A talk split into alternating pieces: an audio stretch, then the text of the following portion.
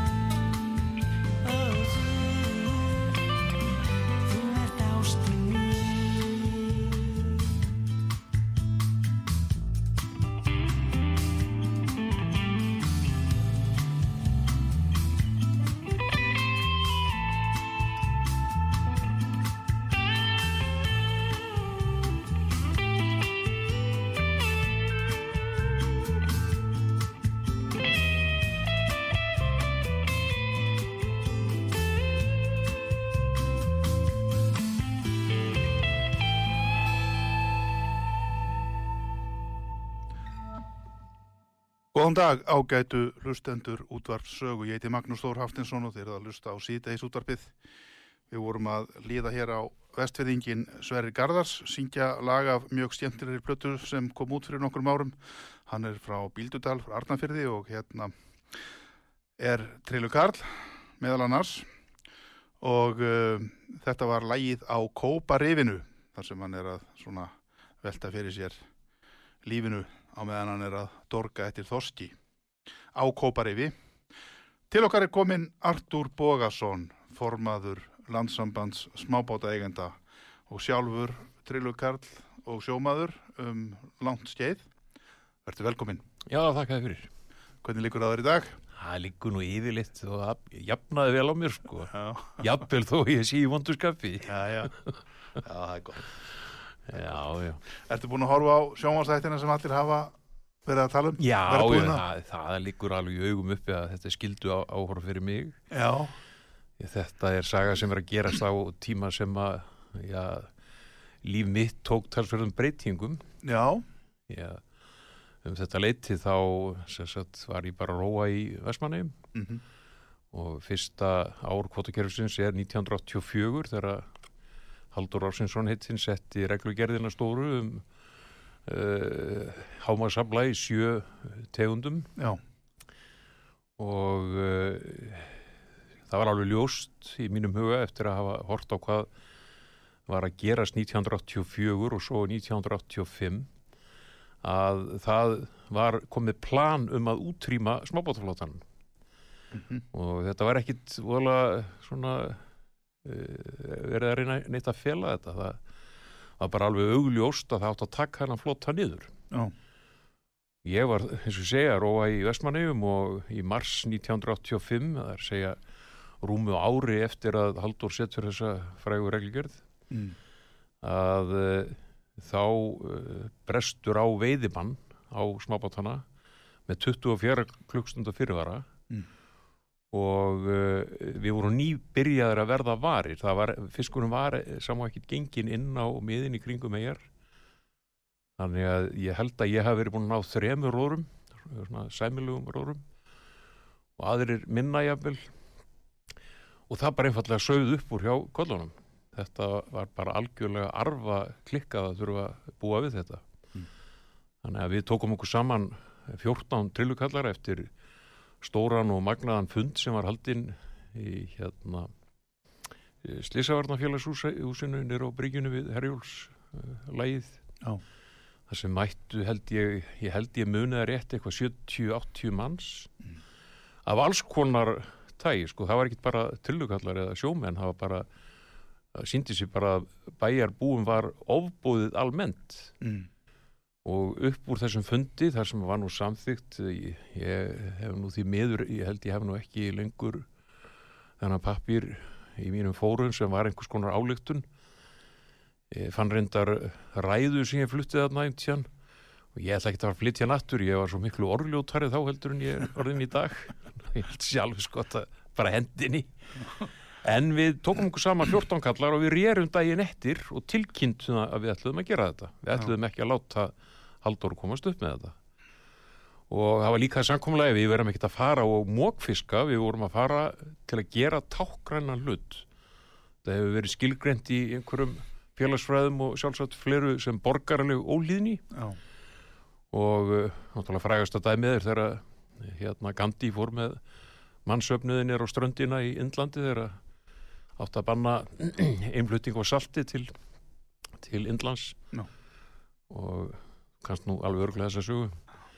Að hann bendi fólki á að það var hægt að láta bara hafið þotna í íláti og þá komið salt. Nema að e, þegar við komum í land e, ég man að ég var með einhver 5, 550 kíló flestir með eitthvað svipað þetta var bara svona slattar. Mm. að þá beið okkar lörglan og eftirlýsmenn frá eh, hérna hinnu opinbera og þeir, þeir bara, þeir voru ekkert að leina þeir bara hóttu okkur öllu íllu það átt að taka okkur hérna sjálfsögðu gera aflanupptækan sem mér fannst bara alveg sjálfsagt og báða bara vel að ljóða Mm.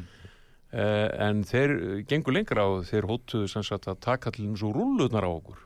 Já, já, og það þótti mér nú undað allt sérkennilegt og ég spurði gaurinn sem að kom að mér við bryggjuna og hótaði mér þessu. Ég spurði hann að því hvort að það veri þá reglan þegar tógarar væru teknir í landtilgi að rífa úr þeim tókspilin Mm. þetta rúluna gegn hann kvala sama hlutverki og tókspilin í tógrun þannig að þeir letu nú vindunar í friðin og síðan var hótanir um sektir og kærur og allt þetta. En uh, Halldór hann uh, virtist nú hafa átt að sjá því að það er nú kannski aðeins meira að afla bakveita heldur en bara 14 snarvilsir tillukallar í Vestmanniðum þannig að hann uh, varð við þeirri óska að við myndum hittan og uh, sem við og gerðum. Og það var eiginlega á þeim fundi sem ég áttaði mig á því að það, það væri alveg tilgangslust að að fara þessar aðferðir, þær myndu bara vekja aðtikli í smá stund og vera svo glemdar og grafnar. Það er því að stopna félagsamtökum þess, þessa stjætt og því að það myndi engin annar hjálpa okkur nema bara við sjálfur. Og þetta það, þetta félag var stopnað í desember 1985 og hefur verið starfandi síðan Já, Þannig að þessi tími þarna sem verbúðin er að, að gerast á, þetta, er, þetta eru svakalega eftirminnilegi tímar í mínu lífi og, og hérna, ég vil nú hins vegar menna það að verbúðin bara standi ennþá. Það, þetta er allt í gangi ennþá. já þessar sögur er ekkert lokið. Neinin, það er langt frá því. Bara til dæmis eh, eftir að krókaflamarki var sett upp 2004 Já. að við og landsambandi varaði stjórnvöld margsinnis við því hvað myndi gerast Já. að það myndi bara hefjast uppkaup og það myndi hefjast fækkun og Þá voru krókabla, þetta var það þegar síðustu dagatrillunar sem voru á lóknandugum voru settar inn í kvotakerfi. já, þetta var þá Og það, og Já. uh, þá voru sem sagt 733 bátar settir inn í þetta kerfi mm, Uh, síðan þarna á leiðinni þá tók uh, þá var hann sjálfsráþara Sigur Ringi, hann tók upp á því að, að skilgreina stærð smábáta upp og nýtt. Þetta er ákveðin aðferð til þess að útrýma smábátaflota, það er að, svona skilgreiningar að tríði lögum.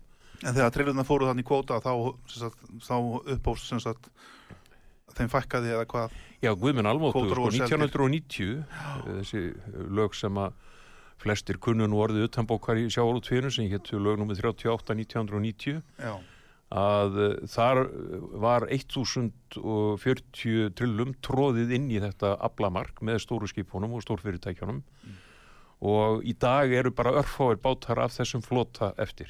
já, já. Sama þróun er farin í gang og uh, fór í gang bara nánast samstundis og hefur farið hraðvestnandi núna síðari ár eftir að smábátinni voru skilgrindi sem 30 tonna bátar en ekki 15 tonna eins og var að uh, þessi 733 eru orðnir eitthvað í kringum 200 ég held ég að þessi konir undir 200 og svo þróun mun bara halda áfram það er að búið að eyðilegja það kerfi sko. Við erum að sjá þessar, þessar línutrillur, þessar ferköntuðu sem menn sjá víða í höfnum. já, Það eru þessar, það Já. hafa komið inn eftir þetta eða hvað. já, já, þessir allstæðistu Og það eru bátar- oft í eigu þá stórfyrirtækja. Já, þau, og, þau hafa verið bara að kaupa þessa báta alveg á, á fullu og, og hérna, ég get ekki myndað mér að segja neitt hættir því. Sittið á beitingavelar og... Já, Eða- eða- og allavega. Já, já. Þannig að þessi þróun er bara í gangi. Verbúðin er ennþá í gangi. Það er Já. kannski ekki eins mikið um fyllir í upp í einhverjum svona herbergja álmum og það er kannski eiginlega bara, bara slæmt. Já. Ég lendi aðeins á verbúðum og þetta var bara... Hvað varst þú í verbúð? Eða hvernig- Eh, Grindavík Já. eh, og eh, ég var svolítið tíma á Rauvarhöfn og, og nú hvar, það var einhverstaðar eitthvað fleira og þetta var alveg skrullega sko, þessi lifnaður sem sést þarna í, í sumum atriðunum að þetta á sér allt saman rættur í sönnum sögum og svo eru ég er náttúrulega svo rosalega gaman að ég að líka horfa á þetta með það fyrir augum að, að, að og ég fór strax að horfa á þetta með það fyrir augum sem að sagði einhver, einhver handriðsögundur en ég man ekki hver það var að þetta ætti sér allt saman einhverja samlíkingar í úr raunveruleikan og uh, ég, það tekið mér svona mislangan tíma að fatta sumt og náttúrulega annað veit ég ekki nei. en þykist bara að vita þetta sé tekið bara upp úr samtölum við fólk eða fréttum og allavega að uh, til dæmis atrið það sem að sveppi fyrir sturtun á fær strömin og Já, sturtun já. það tók mér alltaf tíma að fatta að og, og ég veit náttúrulega hvort þeir hafa haft akkurat þá sögu í huga þegar þeir byggu til þetta atrið en, en sko það gerðist fyrir vestan að, að góðu vinnu minn eh, sem ég nú reyndar ekki séð alltaf langan tíma hann, hann er svona uh, algjör rakfalla bálkur en svakalegu fiskimöður. Að hann uh, var einhvern tíðan undir löndunarkranunum á, ég held að það vera á Patrísverðaröfn og báturum var eitthvað lausað aftan hann, hann labbaði alveg aftast á hann og það lafði svona einhver uh, snúra í sjóin eða fram að bryggjunni. Og hann greip í þennan kapal og þá var þetta ramaskapallin úr löndunarkrananum ég held að það er bara reypin lifað af sko en, en, en þarna ég allavega hló mig alveg mátlu svona sjá sjá sveppa í sturtunni. já, já, já, já. Nei, ég held að sé alveg rétt, já, það, þau hafa notað sko ímsar svona sögur kannski mis sannar, maður veit það ekki en, en, en, en þetta var gert mjög skemmtilega og mjög flott og ég hafði óbúslega gaman að því að sjá þess að þetta og líka bara hrifin að því hvað þau sko, klára leikara og, og bara hvað fólk, þetta var bara vel gert. Ég er algjörlega sammálaður. ég varð alveg hillaður af sko allir í bara svona myndrætni uppbyggingu og, Já, og, já. og senunum og svo. Þó að það sé nú kannski ekki allt saman alveg tímasettir rétt en Nei, ert það, að það, rifja, þetta sko, er náttúrulega þetta er náttúrulega bara við að segja sögu sko. Að- það það má ekki taka þetta sko. og Já. bókstarlega sko. Já, það er, ég heyri mönnum sem að sko eru alveg og- því að það hefði nú ekki verið komin þessi drikkur og marka fyrir en maður sá skiptir kannski- yngu maður máli sæði sko. kannski bregða fyrir nýtísku trillu einhver staðar í baksunni það- maður er ekkert að pyrra sig á því sko. en hérna, þetta var mjög skemmtilega gert og, þú kannastu mikið þessu já, já, drottmyndir og þessi eh, það ringdi nú einn í mig sem að vildi nú meira að þetta væri nú bara algjör sögufölsun þar sem að þar sem er verið að tala við mennum borð og reyna að kaupa þeim bátana. Já, en ég get bara staðfist á það ég bara veit að þetta var gert þetta var, það var ekki mikið um að þeir færa á staðinn svona einhverjir bankabíusar sem að voru bara í þessu fyrir einhver Mm. stór fyrirtæki. Mhm, en uh, ég vissi eins og ég mætti það vel að það var sko skipulega verið að ringi þessa menn. Já, og bara bjóða þeim gull og græna skóa og, og náttúrulega það fór saman líka þarna á ákveðnu tímambili að þorskveði heimildir voru skorna nýri ekki neitt. Já. Minnstu þorskveði heimildir sko sögunar þær voru þarna um þetta liti mm, og uh, ég er nú frekar lélegur í að trúa á samsæðiskenningar en svona eftir á fyrir maður, maður að hugsa býtur nú við, það er merkilegt að þetta fer allt saman tímanlega saman. Það er að segja að þessi svakalegi niðurskurur í veiðheimildum Mm. Uh, settur á úreldingasjóðu sem átt að fækka fiskiskipum sem var aðalega til þess að fækka smábátum. Já, sem skiptir náttúrulega engu máli í hildar fiskveiðiflótanum uh, var þetta einhvers konar leikrit, einhvers konar verbúðar þáttur sem var verið að setja þarna upp sem við bara reynilega vorum ekki nógu klókir til þess að sjá í gegnum? Já, ég veit það ekki, ég er ekki að segja að þetta sé hafi verið svona en man, maður fyrir að hugsa ímislegt þegar maður skoðar þetta aftur á bakk já. Ég nálaðin er náttúrulega mjög mikil í okkar litla samfélagi og hérna já, já, Jú, jú, þetta er alveg rétt sem hún segir sko, það má alveg velta þið fyrir sér hvort að þetta hafi verið að einhverju leiti plottað svona á baku tjöldin, hver veit? Ég maður bara hreinlega veit það ekki og það sem að mér er endalust umræðu, eh, hérna undrunar efni segi jú, jú, líka umræðu efni það er sko að uh, þessi stórkostlega vísindalega nálgun við fiskviðarnar sem átt að skila sko hérna 500.000 tonna þorskabla og, og í, helling í öðrum tegundum og svo framvegis og framvegis hvar er þetta? hvar er þessi árangur? Já, og ég tók það nú einmitt saman um daginn að, að hérna uh, uh, þessar sjö tegundir sem voru í fyrstu reglugerðina hans Haldós það var þorskur ísaufsi, steinbítur uh, kóli, karfi og uh, æ, mandi ekki alveg nákvæmlega það samtals í þessari fyrstu reglugerð það voru gefin út 500 og minnið 20.000 tonn mm. uh, í síðustu útlutun 37 árum síðar þá var þessi útlutun í þessum sjö tegundum konni rétt rúm 400.000 tonn Já, sem er minna fyrir þessar sjö tegundir heldur en Hafró talaði um að er því þorskinum eina já, já, einum þegar eh, árangri væri náð.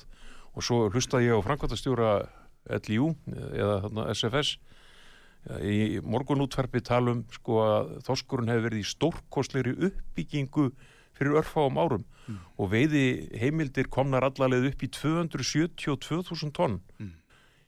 Hva, í hvaða veröld býr þetta fólk? það var ekki 13% stjærðing núna síðast Já, Milli 13 til fiskveiðiára. 15% svona. en það hefur reyndar uh, það hefur alveg glemst að að benda á það að uh, skerðingin hjá stranduðiflótanum á milli ára miða við það sem er komið nú fram eins og, eins og hefur valdið uh, usla meðal stranduði kalla að það er 27% niðurskurur hjá þeim eða við aflaðum þeirra í fyrra. Þannig að þeirra eh, eins og Frankværtastjóri LIU kemur og sér þá að jamt yfir alla ganga nú, akkur eigum við þá að taka meiri skerðingu á okkur eldur naðrir en uh, það hendar ekki að, að nefna þetta náttúrulega, það er alveg að það sé 27% stjærðing á strandveðu Já, þeir vittu átta, þeir vittu 11.300 og eitthvað tonn Já. í fyrra. Já. og reknaði svo bara nýri í 8.500 sem að er búið að gefa út. Þannig að það er ekkit flókið að mig þannig að En þeir eru náttúrulega að reyna samt sem að það að fá meira. Við munum gera allt sem við getum til þess að fá meira Ég því las að, einmitt í morgun grein eftir Heiðrúnu. Hún er framkvæmdastjóri SFS Heiðrún Lind Martinsdóttir já, já, að vera eða ekki að vera á strandviðum þarna er efinn já, já, þetta er orðið mjög alveg skáldlegt. Já, þar er hún að segja það að, að það verði allt yfir jafn að ganga. Ef það er stjærðingi þorskja þá verði sé bara sjálfsagt eðlilegt að það verði stjært líka á strandviði flótan Já, ég er bara ósamála því. Og bara Ég- ósamála því? Já, já, ég er algjörlega ósamála því. Þú ert að, að skerða, þú skerða minnst hjá þeim sem eru viðkvæmastir fyrir svona hlutum. Nó, Þessi stórfyrirtæki sem hafa verið að skila uh, 2 miljardar hagnaði ár eftir ár, þau þóla alveg einhverja skerðingar og svo er annað í þessu sem að er allt í lagi að menn svona reyni að hafa bara hvað eirað. já, Uh, þegar þú ert að skerða trillugall, þá ert að skerða mann sem er kannski með 90, 95% aflansinn í þoski mhm, þeir eru að skerða eitthvað stórfyrirtæki um sömu prósentu í hérna þoski þá er þetta að skerða hann miklu minna eins að hann er með fullt af öðrum tegundum og í sumu þeirra er kannski verið að auka afla heimildir. Þannig að í þoskigildum þá standa þeir ekkert svo mikið ver núna heldur þeir gerði fyrra og hvað þá eða þú reiknarinn uppsjáa við þarnar. Ég er ekki vissum að, að það myndi hjálpa svona framsetningu eins og þeir hún er með þarna. Nei Hafið þið verið eitthvað í viðræðum við ráðherran um þetta? Eh, Við höfum verið í aðalega bara sendinni brefleg erindi. Við höfum bara fengið einn eh, svona Zoom-fund með henni og þar lístu við náttúrulega okkar skoðunum á þessari þessu verki sem hún vann þarna 21. desember Mm að eh, okkur náttúrulega finnst það með ólíkindum að fyrsta verk sjávortsráþara frá vinstir í grænum skulu vera að skerða veiðeimildir stranduðiflótans -hmm. því að ímsar upplýsingar hafa nú komið fram í gegnum tíðina og núna síðast fannst mér nú vera dátti merkilugu kapli sem var settur fram í e, vístatímiritinu Nature þar sem að kemur fram að kólefnislosun tógveiða í heiminum er gríðaleg og henni er jafnað við flug samgöngur í heiminum.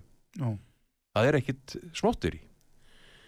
Eh, við erum mjög duglegir að nota eh, bóttról og yfir helmingur af þorskinu kemur í þetta veðafæri og nú hlýtur bara að vera orðið verkefni fyrir umhverfisráð þeirra og uh, já, þá sem að fjalla um sjávarútfeg sem einhverja sjálfbæra uh, atvinnustarfsemi. Það lítur að vera orðið verkefni að, að fá úr þessu skori hvað þetta er mikið og þá verður, verða menn bara horfast í augu við það. Og eh, hérna, rifiðast upp fyrir mér þegar ég sá þá grein að, að þegar við stóðum í einhverju stríðinu við LIU á sínu tíma þá byrtu við nokkrar uh, hilsíðu ölsingar í morgunblæðinu og DFF minni mig líka. Uh, ein myndin var af, samsett mynd og eh, efri myndin er af kóral sem er, kóralrifi sem er búið að uh, to- toga yfir greinlega oftar en einu sinni og oftar en tvisvar.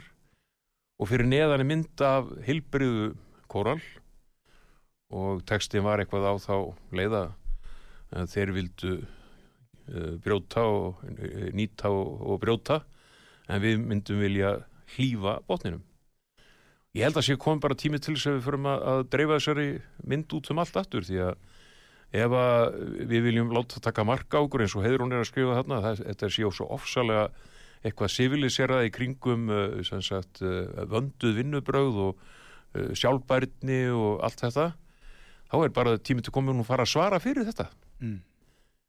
Hún hefur fengið bara allt og mikið frið til þess undanfærin ár og bara komið tími til þess að, endur vekja málin Er það að tala um það að þið farið að verða herskári í málflutningi? Ég sko, miða við hvernig er látið núna, þá er ekkit annað í búði Nei. og uh, það, er, það er bara uh, ég sko, í, mér líður uh, sko, miða við stöðunni eins og hún er núna þá líður mér eins og að það hafi bara aldrei verið sett til hlýðar eða voni í skúfu þó það væri bara tíumbundið hjá stórútgerðinni að það skuli taka þessa smábátútgerð niður. Mm. og það er allt tínt enni til foráttu.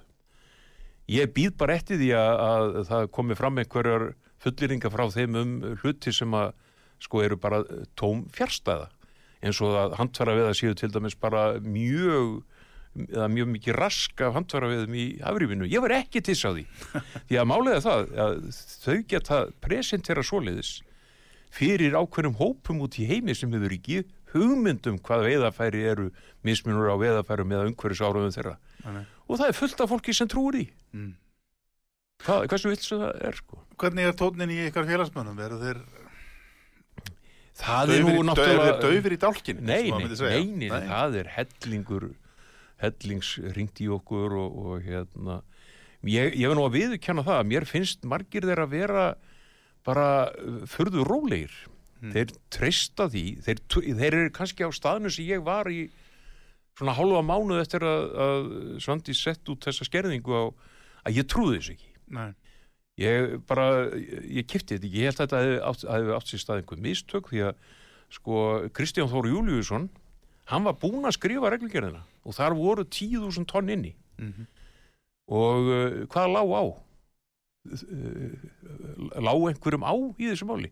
Strandveðarnar hefja annan mæ þetta, er- þetta er bara svo ótrúlegt allt saman. En síðan náttúrulega uh, rann af mér undurinn en ég heyra að mörg, margir kallanir eru, eru þarna ennþá. Ég talaði við bara rétt að hún ég var á leiðinni hérna uppindir og hann sagði já ég, ég bara get ekki trúa því að þetta verði ekki lagað Nei.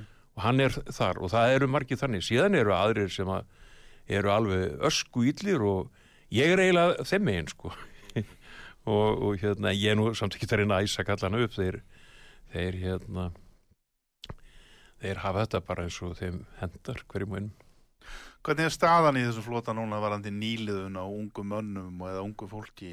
Er það... Er, er, er eru þið að eldast? Ég, ég, ætla, Meðal ég, aldurinn alltaf að hækka? Nei, Nei. ég er ekki Jæja. viss um það nei. og uh, það til þess kom mér þægilega óvart á síðasta aðalfundi landsamfansins að þá fóru kallarnir eitthvað að, að kýta sín á millum það að það væri nú engin enduníun eða nýliðun í grásleppu Já. og ég held satt segja að það væri rétt Já. það væri eitthvað mjög rólegt með nýliðun á þeim bæ en þá uh, stóð á fættur maður þarna frá, mér minnur hann sé frá Skagaströnd. Já, frekar en sögurkröki og uh, hann rak þetta bara onni í mannskapin hann týndi bara, taldi bara upp nokkra báta Já. með nýju mönnum Mm. og uh, báða bara vel að lifa og það er eins í strandið honum. Við erum alltaf að fá mjög skemmtileg dæmi um það að menn er að reyna fyrir sér svo gengur vel og stórkostleg dæmi um það í síðasta sumari mitt að menn er keftu jafnvel bara flotta báta fyrir vertíðina Já.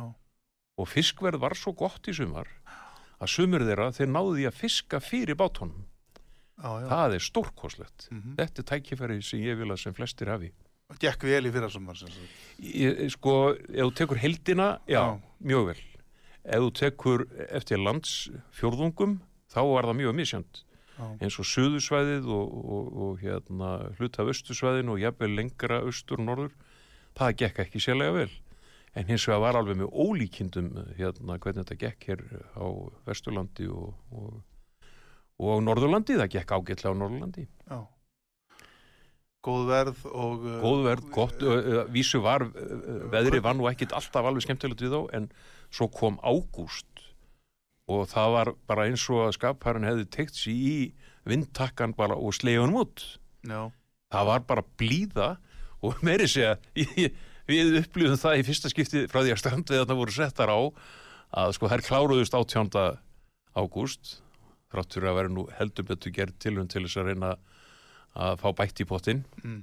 en ráð þeirra neittaði því sem að ég hérna, á eftir að ræða betur við hann síðar þó hann sé hættur ég, þetta var algjör óþarfa á honum Já. en uh, við upplifum það að sko þetta gekk svo svakalega vel í logninu Mm. og góðu verðunum til að með það nema að hérna við fengum ringingar í sko þegar var ljóst að þetta væri alveg að klárast en þeir vissu að líka við verum að djöflasturinn að, að fá kallin til þess að setja mér í bóttinn við fengum þó nokkru ringingar þar sem kall, kallan þessu herðu, þetta er bara orðið ágætt. Ég er orðið svo þreyttur að ég er bara verða að komast í frí. Hættu þessu. Við hlustuðum náttúrulega ekki á það en það var svolítið nottæld að fá svona símtur sko, að þegar náttúran leikur vel við svona uh, hérna, fiskveðar, svona smábátaveðar með þessi léttvægu veðafæri þá uh, það, þetta verður svo ofbóðslega gaman. Já. Og það er eins og til dæmis að LJU þóli það ekki að það sé til eitthvað sem er skemmtilegt í kringum þetta. Já. eitthvað svona fjörugt mannlíf og, og fjölsgrúður hópur. Það, það er eins og þetta sé eitur í beinum margra stórugeramanna, alls ekki allra. Ég þekki stórugeramann sem að vilja strandveðarnar sem upplögastar Sumir þeirra sem hafa nú við í stóruðdýrin hafa farið í strand Já, já, svo er það líka. Fyrirvændi fórstjóri Hápi Granda sem hérna hann og hætt við því hann grandalösi Já. hann er alveg demantur sko. En segðu mér, hvað eru, hvað eru, hvað eru við að tala? Hvað, hvað eru menn, haldið eitthvað utan um það, sem sagt, hvað erum við að segja, svona rekstrar afkomu í þessum veiðiskap? nei, við reynum nú reynum svo sem að, að fylgjast Hvað eru með menn því að þjena? Ég meina, hvað, hvað, um hvað við ég, að... það er Ég var að sjá einhverja tölur á Facebookin í jarkvöldi, já, þar sem eitt lagði svona upp reiknidæmið í svona grófum dráttum, sko. já, Hann sagði að það kostar minnstakosti miljón bara að komast í gang, sko. já, já Það er að segja, ef þú átt bát, þú þátt að borga veiðilefi og ég veit ekki hvað Já, og hvað. svo hann nú náttúrulega þurft að gera meira en að borga veðilifi til að kosta miljón sko. Já, ha, hann hefur nú þurft já, að það þarf að borga tryggingar og eitthvað, eitthvað Já, já, tryggingar og skoðunargjöld skoðanir já, og allt þetta og já, svo, já. svo er náttúrulega rekstra kostnar við þetta og mm uh, svo eru veiðigjöld já, já, hvað eru menn að borga veiði? Það eru borga veiðigjöld að þessum afla eins og öðrum afla já, eða já. hvað? Það, er- hvað er það ekki hvað er það, 11, 12, 13 krónur ég bara manna það ekki en sko, ég get fullir það að í sumar að sérstaklega á vestur og norðurlandi þá Já. gerðu menn það margir bara mjög gott Já, þeir sem að voru á hinnum svæðunum þeir gerðu það ekki eins gott. Nei, og uh, þetta er náttúrulega eitthvað sem veiðiskapur hver, uh, hverra náttúru sem hann er býður upp á. Já, þú býrð ekki til Excel-skjál og, og reknar út að, að sem sagt 700 smábátar þeir eru hringin í hringu landi og þeir veiða bara alltaf jafn mikið á hverju mennst og er já, en, en sko nota benni sum pólitíkusar sem ég tala við Já. þeir hafa meiri sér gert það eins og þú ert að gera núna tekna á blað. Þeir hafa reiknað út fyrir frá mig. Já, Já, sko, ef það eru nú orðnar þúsund trillur með 48 daga og þeir mættu veiða 700, uh, hérna, 74 kíló af óslæðan Já, dag, þá er þetta 774 sinnum 48 sinnum 1000 og fá út einhverja fánanlega tölu. Þetta sýnir náttúrulega bara að menn nenni ekki svona að setja sér inn í grundvallaratrið. Eins og eh, ég reiknaði út um daginn að, að hérna á eh, sem sagt í fyrra eða á síðustu stranduði vertíð að þá var gefið út að menn mættu rúa 48 daga. Mhm. en náðu því nú ekki.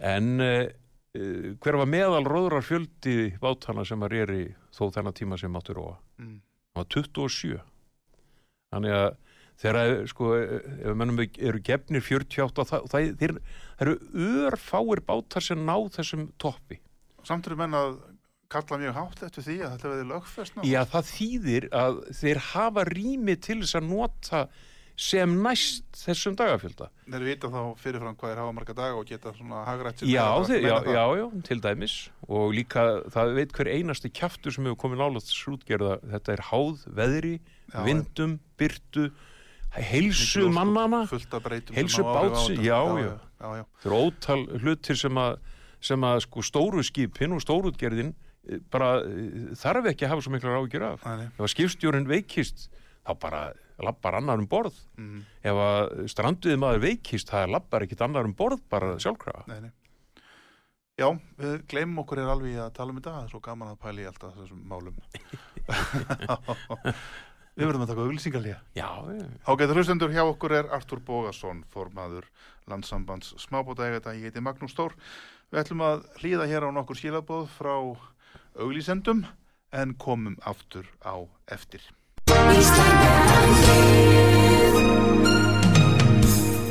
Styrtareikningur útvarpsögu í Íslandsbanka á Granda. Útubú 513, höfubók 26, reikningur 2.11.11. Nánari upplýsingar á útvarpsaga.is. Takk fyrir stöðningin. Síðdeis útvarpið á útvarpi sögu. Þáttastjórnandi Magnús Þór Hafsteinsson. Komið þið sælættur, hjá okkur er Artur Búason, formaður landsambands smábótaegenda. Við vorum að tala hér aðeins um strandveðarnar og hvernig það alls saman liti út. En nú langar mig hér í setni hlutanum til að hefja máls á grásleppuveðinni. Það var afskaplega góð grásleppuveði fyrir sumar, algjör metveiði. Mjög gaman að fylgjast með þeirra bátandi voru að koma að landi og, og hérna svona mikið líf og, og, og skemmtilegt að sjá þegar það gengur vel í fiskveðum. Um, og þarna gekk svo sannlega vel en þá fór maður líka að hugsa hvað þá með markaðinn um, Kínamarkaður hann eðlaðist út á COVID þar að segja fyrir kveljuna eða, Kveljuna eða fyrir skrokkinn. fyrir skrokkin en hvað með rognamarkaðinn Já sko, við vorum nú eiginlega svona með þá tilfinningu svona þar til fyrir, já, nokkurum vikum að það væri nú hvorugt af þessu í þokkalegu lagi. já, Allavega ekki með kínamarkaðin og, og skrokkin, hann er alveg kólfrósin en þá held ég. það er einhver horfur og það sé opnast neitt Já, það er náttúrulega, við höfum ekki, ég held að sé líka til svo mikið að byrðum að já, já. þó það myndi eitthvað byrja að opnast að þá tekur það tíma að jafna sig. en rognin, hvað er En það er hins vegar ánægilegt að núna undarfarnar bara 2-3 vikur þá hef ég hýrt í kaupundum bæði hérlendis og erlendis og hljóðið í þeim er bara ekkert slemt já, já, og það er bara mjög ánægilegt að geta sagt kollunum þetta sem er að ringja því að margir er að ringja og hafa áhyggjur svo er aftur á móti hvernig verða verðin sko, verðin voru náttúrulega alveg í skýtnum í fyrra. Já, og eh, ef að ástandið er að batna þetta mikið er þá mönnum bjóðand að vera með einhver skítaverð Mm. þarf þá ekki að hækka það svolítið? Því að eitt af því sem að maður tekur nú eftir því að maður hefur þessu áráttu að ef maður kemur í búðir ellendis að uh, reyndar ekki núna í einhver tvö ára ákveðnum ástæðum að maður hefur aldrei séð verðið á kavjörnum, í búðinni sveiflast. Nei. En hins vegar sveiflast hann nýri ekki neitt hjá kollunum og upp í mjög góð verð og allt þar á milli. Mhm, þannig að það er mjög skrítinn svona virðiskeða þýlitinu til. Að það er alltaf eitthvað bara fast verð á dollunni sem þú sérði í hill út í London eða eh, Amsterdam eða hvað sem er sko. menn, hvenær hefst grásleppuvertiðin í, allir hún eh, ég held að, jú, ég held að menn hafi sett fram óska á síðast aðalfundum að hún myndi byrja 20. mars. Já, en þetta hefur rokkað svolítið kallar þeir hafa misjafna skoðunar svona frá ár frá ári. En ég hugsa að sé bara skynsalegt að byrja kannski aðeins setna já, bara út af forsögunni. En það er ein hugmynd sem ég vil endilega hérna, fá Já. að nefna hérna því að í hlíðinu þá vorum við að tala um sko signa gráslöfu já, hún er ægilega góð. Já, ég hérna ég verð að lýsa miklum vonbröðum með sjálfa mig að þýlitinu til að ég get nú næstu í allt sko. Já, að hérna, mér finnst síðan gráslöfu ekkert sérstök, hún er ekki vond nei, en hún er ekki ég, ég nenn ekki að keira langt eftir henni sko. En ég hins vegar er einn af fáin sem verðist vita það og geta bara staðfest það að fersk grásleppa, já, hún er algjört norskæti mhm, og í- mér er alveg hulun ráðgátt að okkur sko, menn hafi ekki bara fattað þetta almennt. Bara í fyrra þá hérna var hann fúsi hérna upp í skipholti spúðina, hann hefði einhverstaðar komist yfir slatt af grásleppu og hann var með fatt af ferskri grásleppu í borðinu. Já, og ég kipti á honum og reikspólaði vestur í bæi að eldaði það. Og það bara rifiðast upp fyrir mér að ég hef smakkað þetta áður sko. Já. Hversu frábær matfiskur hún er. Og hvernig er hún elduð?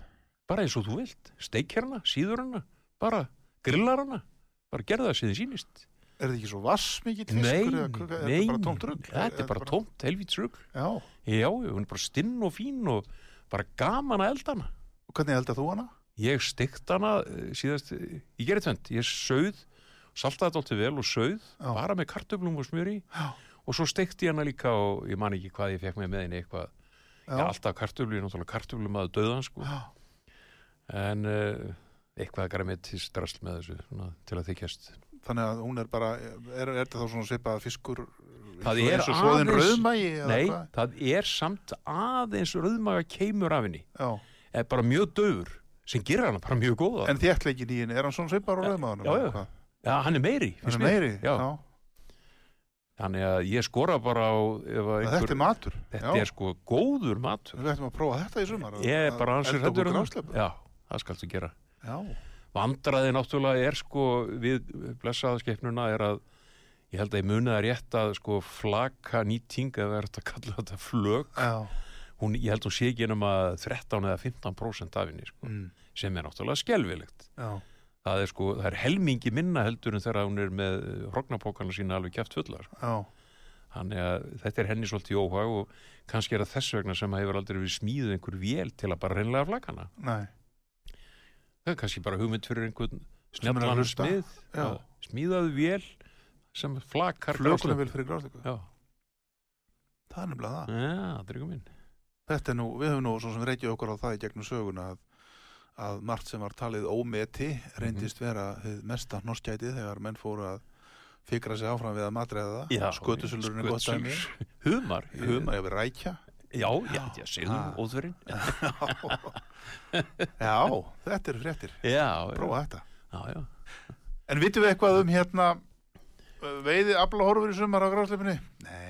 Nei, ég held að við til skáli lítið það einu upplýsingar sem hafa komið er eitthvað, einhver láttala úr hustrali Hafrú, hún var eitthvað niður miða við undanfærið en ég er nokkuð að marka það, ég minna, Ég sáum á það ekki sumar að það er, þetta er, Já, sko, reyndar, sko, tóralið hefur alveg, sko, gefið einhverjar vísbendingar um, sko, í hvora átt uh, örun er að fara. Já, en að taka uh, svona hátíðlega og búið til einhver absolutt tölu. já, það, það er bara brandari Já, og sko aflinn á síðasta ári hann síndi svo rækilega fram á hvað þetta er galin aðferðafræði sko.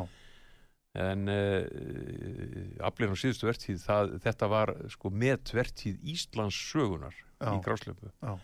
og það er náttúrulega mér svona fyrir mig persónlega því að ég er nú anstæðingur aflamaskerfisins sem hefur alltaf verið þá finnst mér náttúrulega alveg óbærilega gaman að benda á það að þetta er sá stopn sem að stækkaði mest innan íslenskra lögsugu á síðasta ári eh, og hann er líka einn af þeim örfáu sem er í sóknamarki já, hann er ekki í kvóta. hann er ekki kvota Því var afstýrt í fyrra. já, já, það, það var gerð mjög hörð Eru menn, allega til þess og Já, já. sjávarsáþara vildi þetta þetta var, virtist alveg vera að bresta á, en svo, svo var það ekki. Nei, ég held að hafi aldrei í raun og veru verið að bresta á já, því að fyrirstaðan í, í, í atvinnuganemnd, hún var mjög mikil og uh, síðan uh, sko landsambandið náttúrulega er með alla sínur álíktanir gegn þessu Mm.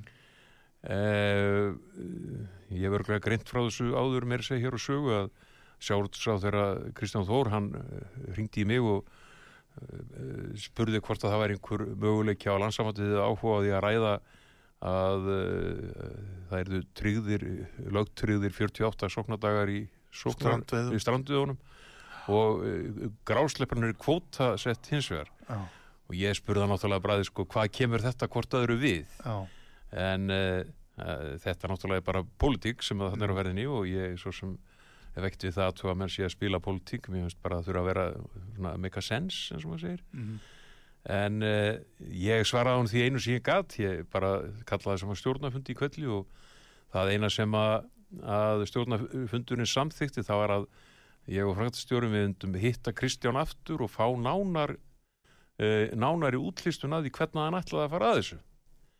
Og síðan fengum við fund með honum hann einhverjum tveimur eða þreim dögum setna og þá komi ljósa að hann var búin að afskrifa þennan möguleika sjálfur mhm. Þannig að þar með var þetta bara út af borðinu og þurfti ekkert að ræða það meir en það voru margir af, af uh, uh, gráslöpuköllum sem að vildu bara fá sinn kóta og ég skil þá líka mjög vel en grundværsla stefna landsambandisins í varðandi þessi mál er að vera uh, að hafna kótasetningu gráslöpu.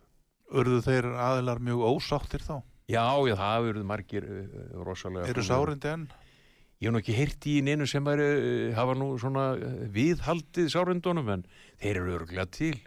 Það er kannski, kannski tek, get tekið mark á því sem ég heyri ekki þá, sem Þeir sóttu þetta mjög hart sko Já, já. og þau töluðu jafnvel þannig að ef þetta er ekki gert að þá táknaði það bara endalok þessara veiða og þetta væri svo öðruvitt allt saman það væri ekki hægt að skipa líka neitt ef maður væri með kvóta og, að, og svona þessi málflutningur en, já, en það, ég, ég kaupi nú ekki þessi þeirra og sagði þeim það allan tíman en, en þú átt að vona því að það verði róið af krafti á grásleipu í, í vor. Já, það er alveg klart sko. ég, ég hef búin að heyra í mörgur sem eru bara að græja sig sko. Já, það, já. En uh, menn náttúrulega Komust menn þá sæmilega frá þessu fyrra fjárhagslega þó að verðin væri svona lág? Menn tók þetta sko, kannski bara á magninu eða tók þetta á magninu, það voru margir sem tók þetta bara á magninu og gerðu bara fínastu, fínustu króntöluvertið þrátt fyrir allt. Já, en þeir þurftu að veiða mjög mikið og það voru nokkrir bátar sem fóru yfir öll gömul Íslandsmet í þessum veiðum já, nokkrir bátar sem að veittu vel yfir 100 tonna af grásleipu á þessum, hvað voru það, 33 eða 5 dagar sem þeir máttu veiða. Já, algjörlega ótrúlegt. Voru að uh, hlaða sér dag eftir dag bara stanslust mhm, og þegar þeir tóku upp þegar það var hætt, þá var ennþá mók já, eitthvað var nú af þeir í gráu og svo náttúrulega vissu við líka að menn voru að fá bara hellingafinn í troll og þoskanett og, og bara öll veðaveri kannski minnst á línuna, ég er nú ekki mikið um það það, það væri alltaf sérstætt Við vitum ekki hvað veldur þessum sveiflum, þessum... nei, nei. Við ekki hugmyndu það, við vitum svo miklu minna um þetta risastóra hafrými sem við erum með í kringum okkur og lífríki sem í því býra að það er alveg grátlegt hvað við höldum að við vitum mikið. Já, ég finnst að við, við setjum niður við það þú nefndir hérna áðan ef við komum að sinna áðan hérna einmitt þetta með uppbyggingu eða mynda uppbyggingu þóstofsins síðast var 13% 15% niðurskurður sem er rosalega mikið á milli ára. Það er bara að segja eins og er. svakalegt. Og hérna þú ert ekki sáttur við þennan árangur Nei. hvað? þetta er ekki árangur, þetta er árangursleysi Mm. þessi 37 ára tilrun Haraldsson með íslenska hérna, fiskistofna Já, á einhverju gjörgæslu þeirra hún er eh, bara einn, einn risastór skandall í mínum huga. Mhm, og eh, mér finnst sko, eh, hefur þú heyrt um einhverja nýjar svona eitthvað nýtt gegnumbrot í sambandi við þessi vísindi sem að kallast eh, fiskvið eða fi- eh, fiskirannsóknir og allt þetta? Nei, ég held að það er nú farið lítið fyrir því sko. Maður heyrir af endalusum rannsóknum alls konar vístamanna og alls konar sviðum. Já, hvort sem það er á heilsufarsviði eða félagsvísindasviði og eðlisfræði, efnafræði en þú heyrir aldrei neitt nýtt um fiskifræði. Það er, það er bara virðist vera að búa að finna upp einhverja formúlu sem er bara keirt á út í það óendanlega og þeir sko, þó þeir séu löngu komnir út í skurð og spólandi á öllum hjólum eða þeir eru þá með fjórhjóladrif að þá virðist ekki vera nokkuð leið að þeir átt sjá því. Nei. þeir eru bara fastir að út í skurðinum. Og hvernig hérna nú hef ég aðeins verið að var, ég var svona fyrir þetta viðtala skoða rallskíslutnar hjá Háró sko. Já, og mér finnst það er nú svona ekki alveg kannski gefa til, til mikillar bjartsinni varandi þoskinn ég ekki miða við þeirra þessa Nei, aðferðafræði sko, stofnvísitalan sem gildir nú, hefur nú törfurt mikið vægi í stofnmatinu já, já, þarlegandi já. til dæmis núna í höstralinu sko hún er búin að vera núna á stanslausri niður, niðurleið. Já, já, í ja, síðustu fimm árin og lækkaði enn nú í höst og hún er núna já, rétt tæpur helmingur af því sem hún var hvað ég var að segja 2019 já, já, eitthvað, eitthvað svoleiðis. 2018 Þess að það verðist ennþá vera að þessi þorskur okkar sé enn á niðurleið og það megi því vænta já, niðurskurðar í vor. Hafið þið eitthvað velt þessu fyrir Já, við, að sjálfsögðu og við höfum bara döðan sá að því að þetta verði niðurstaðan að það verði haldið áfram að skera niður í vor. Og uh, þá bara vaknar ákvæmlega sömu spurningar þar aftur og aftur. Við erum, hvað sitjum- er að? Já, já hverju- hvað er að? Hverju, hvernig stendur á því að við erum að hjakka í þessum lágu tölum? Já, og uh, við fáum engin svör. Það er, við erum að skrifa í blöð og við erum að í svona þáttum eins og hér og, og alls konar og það, okkur er ekki svarað. Það er fullt af mönnum búið að skrifa fjöldan allan af greinum. Þú hefur örgulega tekið þetta í greinum. Sveinbjörns Jónssonar til dæmis. Hann er búin að skrifa fjöldan allan af greinum og þetta eru, þetta eru mjög smart greinar en það drengurinn alveg hundvelgefin að eh, hefur Hárói virkilega aldrei séð ástæðu til þess að eyða á hann svo mikið sem einu svona haltu kjafti ykkur Nei, það er eins og menn séu bara, já, eins og þeir vilja ekki hugsa þetta upp á nýtt og, og hérna, þessi stað þá berja það sér á brjóst og reyna að telja sjálfum sér og öðrum trúum það að þetta hafi gengið alveg æðislega vel. Já, já, En, en, en ég, verð bara að segja það að ég, ég er mjög ósáttur með þennan árangur. Þetta er, þetta er ekki viðunandi árangur. nei, þetta er bara árangur Því að vandin okkar finnst mér vera mjög mikið oft á tíðum að hérna, sko, það er eilífur skortur á jötunni, ég er nú bent á þetta áður. Já, það er, það er, það er e, of lítið af hegi, það eru, menn eru alltaf að býtast um, það er eilíf skortstaða. já Það búið að vera viðvarandi skortstaða hér í enn 20-30 ár. Og, og þetta er náttúrulega búið að kosta okkur alveg geipilega mikið, eins og þú bentir á hérna áðan að það búið að höggva hér báta í spað hægri vinstri og, og með að í, mjög í tilgangi hvers? Tilgangi hvers nákvæmlega og, og við, hvað hefur þetta kostað okkur sem þjóð? Já, já, Það er að segja byggðirnar já, sem já, hafa látið undan glötuð að þennum tækifæri og, og, og jafnvel sko já, fólk hefur þurft að fórna mjög miklu fyrir þetta kerfi. Heldur betur. Og það er ekki að fá það tilbaka eins og Nei. finnist eðlilegt. Já, já, já, já, en tími líður. Ég ætlaði svona aðeins að spyrja þig hérna, þú ert nú lagsveiði maður ekki satt? Jú, jú, ég telst það í stand þá, ég er nú að vera svo lattuð þetta Er á- það? Já, ég, náttúrulega, ég elska þetta alveg mikið og ég hef alltaf gert, en ég er nú svo lattuð að veiða, sko, ég, já, já, ég er ofsalega gaman að ég að fara í veiðtúra og vera í húsi með frábærum félugum og já, auðvitað fer ég upp með á og, og reyni að, sanna það að ég kunni þetta, en áttu trilluna þá?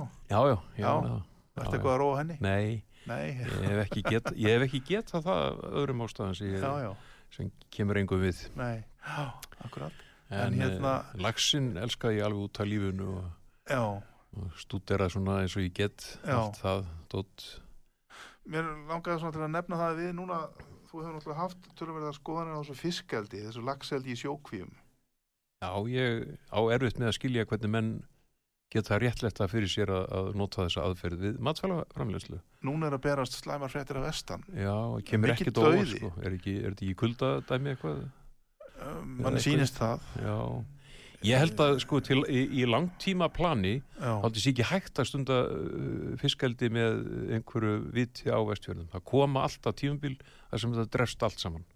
út af kulda og ís Út af kulda og ís. Uh, Bara tökum kvalf fyrir það sem dæmi fyrir hvað er orðin svona Það er eitthvað- 10-15 ár síðan. ja, Eða meira meira kannski Já. 25-30 Já, ára það er sama já, það já. drafst allt þar Ja, þetta var steindrafst. í Sörbæ Já, já, og það er nú hér mjög sunnarlega bara í Já. Vaxaflóra Já, nákvæmlega. Þannig að sko því fyrir sem menn bara viðkjanna að það eigi að stunda þetta upp á landi í eðlu sem mér finnst vera eðlilegt sem sagt eðlilega aðferðafræði að því betra Já. Bara upp úr sjónum með ykkur Já. Og það fer ekkert á milli mála þetta er mengandi innaður og ná náttúrulega sem mér finnst vera eh, hérna eh, þetta er dýraplageri. Þetta er, þetta er ekki hamingjusum dýr sem eru þarna. Er, ég lít svo á að dýr sem er vilt í náttúrunni það sé hamingjusamt Mm. og eins, og, eins og það er sjálfsagt kannski erfitt að nota orðið hamingja fyrir dýr en þú veist alveg bara líðu vel og bara með frjálsam vilja en uh, þessi dýr upplifa það aldrei. Og uh, svo uh, mér finnst bara að vera svo mikið blekkingalegur í kringum þetta líka að vera að gera þetta í nafni þess að þau þurfa að mata hungraðan heim. E, Já, það er nefnilega það. Er þetta að fara mikið til Afríku og svona Bangladesh og svona þessi Nei, sennilega ekki en ég, svo sem- nei, kannski ekki. En heilt yfir, tíminn er á þrótum Þið eru bjartsýnir á sumarið eða hvað? Já, já, ég, er- er bjarsitt varðandi sko hvernig veðar koma til með að ganga og þá horfi ég bara á þessi þessi 12 ár sem að standveðarnar eru búin að vera. Það er eitt mjög merkilegt einmitt í tölfræðinni í kringu standveðarnar sem passar ekki til dæmis við þessar rall skýslur sem að þú veist einmitt að vitni hérna aðan. já, Það er að frá svona fyrsta fulla árinu að við sleppum 2009 vegna þess að það var að byrjaði sittna og það var mjög lítill pottur settur inn í það. Mm. en 2010 þá er fyrsta raunverulega strand við árið.